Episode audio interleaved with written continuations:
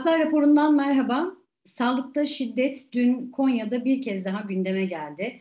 Konya'da kardiyoloji uzmanı Ekrem Karakaya görev yaptığı şehir hastanesinde uğradığı silahlı saldırıda yaşamını yitirdi. Haklar raporunda sağlıkta şiddeti konuşacağız bugün. Türk Tabipler Birliği Başkanı Profesör Doktor Şebnem Korur Fincancı bizlerle birlikte. Şebnem Hanım merhaba, hoş geldiniz yayınımıza. Merhaba, iyi yayınlar diliyorum. Şebnem Hanım, şimdi dün Konya'da neler yaşandı? Bununla başlayalım mı? Bir kez de sizden dinleyecek olursak yaşananları nasıl değerlendirmek lazım? Ee, şimdi öncelikle e, tabii e, ciddi bir sorun bizim açımızdan e, bilgi kirliliği e, ya da bilginin hiçbir şekilde paylaşılmaması. E, biliyoruz bir meslektaşımız bir hasta yakını tarafından katledildi. Ama e, örneğin orada bir sekreterin, bir hasta yakınının daha yaralandığına ilişkin bilgiler de paylaşıldı. Sonra o bilgilere ulaşamadık. E, yayın yasağı getirildi. Oysa e, bilginin e, paylaşımı aynı zamanda bize e, olanları ve bu olanlara ilişkin nasıl önlemler almamız gerektiğini de gösterebilir. E, dolayısıyla e, bu yaklaşım kendi başına zaten e, ciddi bir sorun. Önlem alma konusunda siyasi otoritenin herhangi bir çabası olmadığının da göstergesi. Öyle değerlendirmek gerekiyor. Ayrıca siyasi otorite açıklamayı yaparken e, bu meslektaşımızı e, ne yazık ki ateş silahla kendi tabancasıyla vuran güvenlik görevlisine işaret ederek aslında e, hastanede çalışan e, birinin e, hastanede çalışan bir diğerine saldırısıymış gibi gösterme telaşına düştü. Oysa burada o kişi hastanede çalışan biri değil, e, annesinin tedavisini yapan hekime yönelik saldırıda bulunan bir kişi. Dolayısıyla bir hasta yakını kimliği var. Hasta ve hasta yakınlarından yöneltilen bu şiddet eylemlerinin aslında sağlık ortamına ilişkin e, yaşananlarla, sağlık politikalarıyla doğrudan ilişkisi olduğunu söylemek mümkün bu soru çerçevesinde. E, peki Şebnem Hanım, bu anlamda mevzuattaki eksiklikler nelerdir ya da var olması, yapılması gerekenler nelerdir? E, şimdi tabii e, bir yasal düzenleme oldu. Aslında Türk Tabipleri Birliği olarak biz daha önce çeşitli kereler tasarılar sunmuştuk meclise iletilmesi için.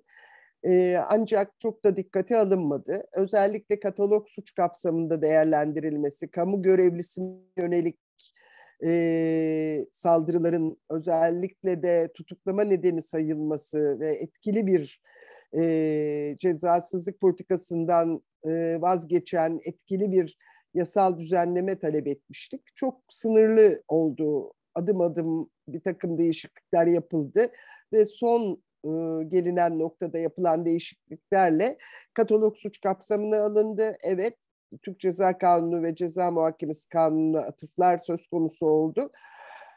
ancak tabii ki özellikle savcı ve e, hakimlerin uygulamada eksiklikleri olduğunu biliyoruz. Daha önce katalog suç kapsamında değilken bu tutuklama gerekçesi sayılması göz ardı ediliyordu sıklıkla. Ama şunu da ifade etmek gerekiyor. E, sağlıkta şiddeti önlemek için yalnızca cezalar yeterli değil. Öncelikle çalışma ortamlarını güvenli hale getirmek gerekiyor. Bu nedenle de çalışma koşullarını değiştirmek gerekiyor. Yani sağlık politikalarında bir değişime ihtiyaç var. Çünkü e, 3-5 dakika e, her hastaya ayrılmasını öngören sistem, sağlık sistemi biliyorsunuz randevuları beşer dakikaya düşürdüler. Aslında hastaların kendileriyle ilgili sağlık sorunlarına ilişkin yeterli yanıtı alamadıkları koşullarda bunun sorumlusunu hekimler, bunun sorumlusunu sağlık çalışanları olarak görmesine neden oluyor. O yüzden hastaya yeterli zamanı ayırarak, e, ayıracak koşulları sağlayarak bu sistemi dönüştürmek gerekiyor. Bununla birlikte hekimlerin çalışma koşullarını, uzun çalışma saatleri, e, dinlenmeden e, 30 saat, 36 saat çalışmak zorunda bırakılan hekimlerin hastayla karşı karşıya geldiği koşullarda yaşadığı sorunları dikkate alan bir çözüm geliştirmek gerekiyor. Bakın şöyle bir e, tablo var. E, maalesef tabii verileri alamadığımız için sağlık otoritesinden sıkıntı yaşıyoruz ama e, Sağlık Bakanlığı çalışma raporlarından elde edebildiğimiz, süzebildiğimiz verilere göre e, 2019'da 17 bin olan beyaz kod verisi yani sağlıkta şiddetin bildirimi. Tabii bu yalnızca bildirilenler ama olsun gene de tabloyu göstermesi açısından önemli. 2019'da 17 bin olan bu tablo e, 2020'de 11 bine düşmüş. Neden? Çünkü ne yazık ki ertelenmiş sağlık hizmetleri nedeniyle COVID-19 hastaları e, hastanede karşılandığı için hastane başvuruları azalmış. Hastane başvurularıyla paralel bir şekilde de yaklaşık yüzde 30-35 civarında beyaz kod verisi düşmüş. Ama sonra 2021'de ne olmuş biliyoruz. İnsanlar sağlığa erişemediler ve bu sağlığa erişim sürecini kolaylaştırdığı iddiasıyla Sağlık Bakanlığı randevuları 5 dakikaya indirdi ve randevu sayıları inanılmaz arttı. Ne olmuş o zaman? 29 bile çıkmış beyaz kod verisi. Yani 3 kat artmış. Bu çok ciddi bir rakam. Ee, burada sağlık politikasının rolünü görüyoruz aslında. Tabii bununla birlikte kışkırtılmış sağlık talebi, bu talebin karşılanmadığı koşullarda bunun sorumlusu olarak sağlık çalışanları da hekimleri görme davranışı ayrı bir sorun. Bununla birlikte şiddet dili ayrı bir sorun. E, dolayısıyla çoklu etkenlerle karşı karşıyayız. Sadece ceza ile önleyemeyeceğimiz bir sorun var karşımızda. Şebnem Hanım peki bugün yaşananlara da bir bakalım. Şimdi sağlıkçılar e, İstanbul Üniversitesi Tıp Fakültesi önünde bir araya gelerek İl Sağlık Müdürlüğü'ne yürümek istediler ve dün yaşananları protesto etmek istediler. Ancak polis müdahalesiyle karşılaştılar ve e, polis e, biber gazı sıktı. Öte yandan e, Gaziantep valisi Davut Gül e, Twitter hesabından yaptığı paylaşımda Doktor Ekrem Karakaya'nın öldürülmesinin sağlıkta e, sağlıkta şiddet olarak e, açıklanamayacağını savundu. Tepki de çekti bu açıklaması. Şimdi öyleyse sağlıkta şiddet nedir Şebnem Hanım? E, nasıl nasıl yorumlamak, tanımlamak gerekir? Bu açıklamayı aynı zamanda nasıl yorumluyorsunuz? Şimdi e, gerçekten bütün sorunları e, örtbas etme davranışı e, bu iktidarın çok yaygın uyguladığı bir yöntem. Bu bazen pandemi oluyor, bazen e, insanların yoksulluğu, açlığı, yaşadığı zorluklar oluyor. Bazen de bizim yaşadığımız sağlık ortamlarındaki olumsuzluklar oluyor.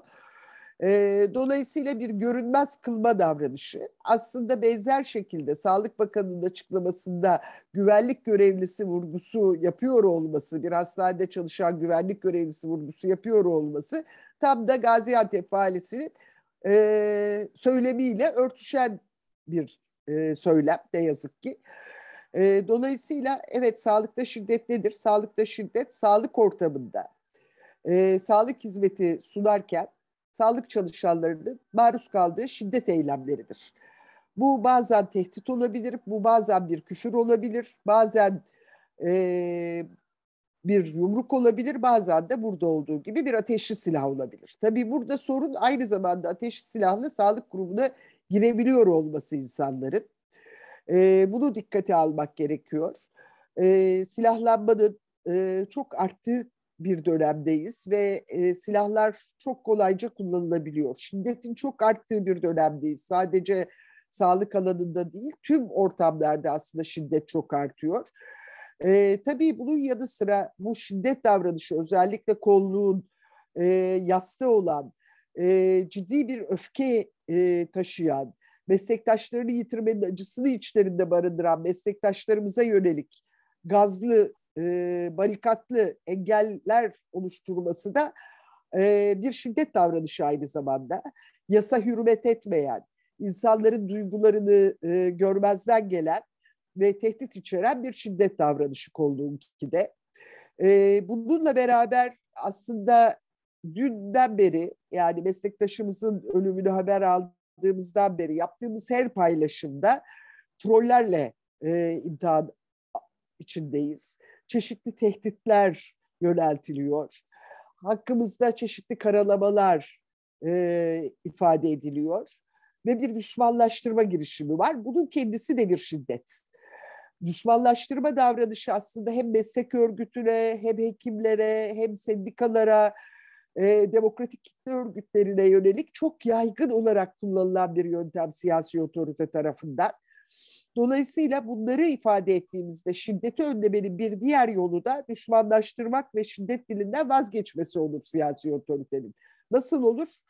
Ee, çok kolay değil elbette.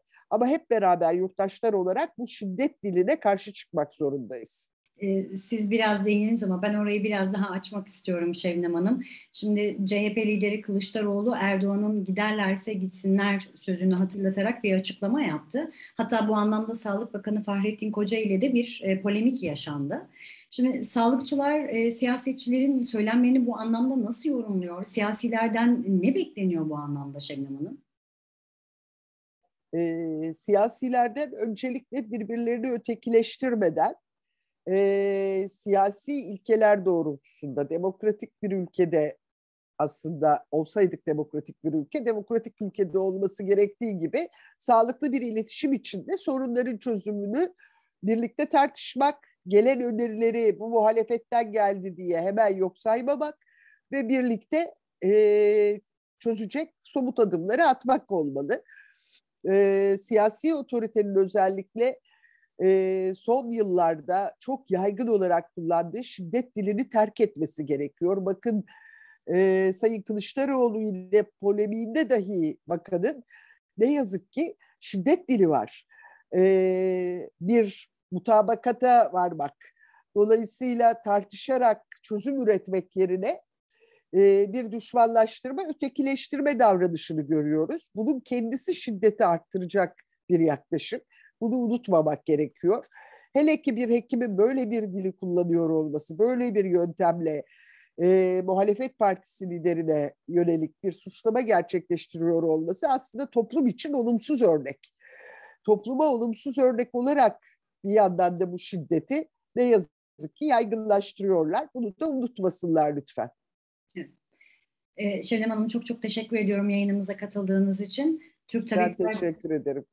Türk Tabipler Birliği Başkanı Profesör Doktor Şebnem Korur Fincancı haklar raporunda sağlıkta yaşanan şiddeti değerlendirdi. Görüşmek dileğiyle.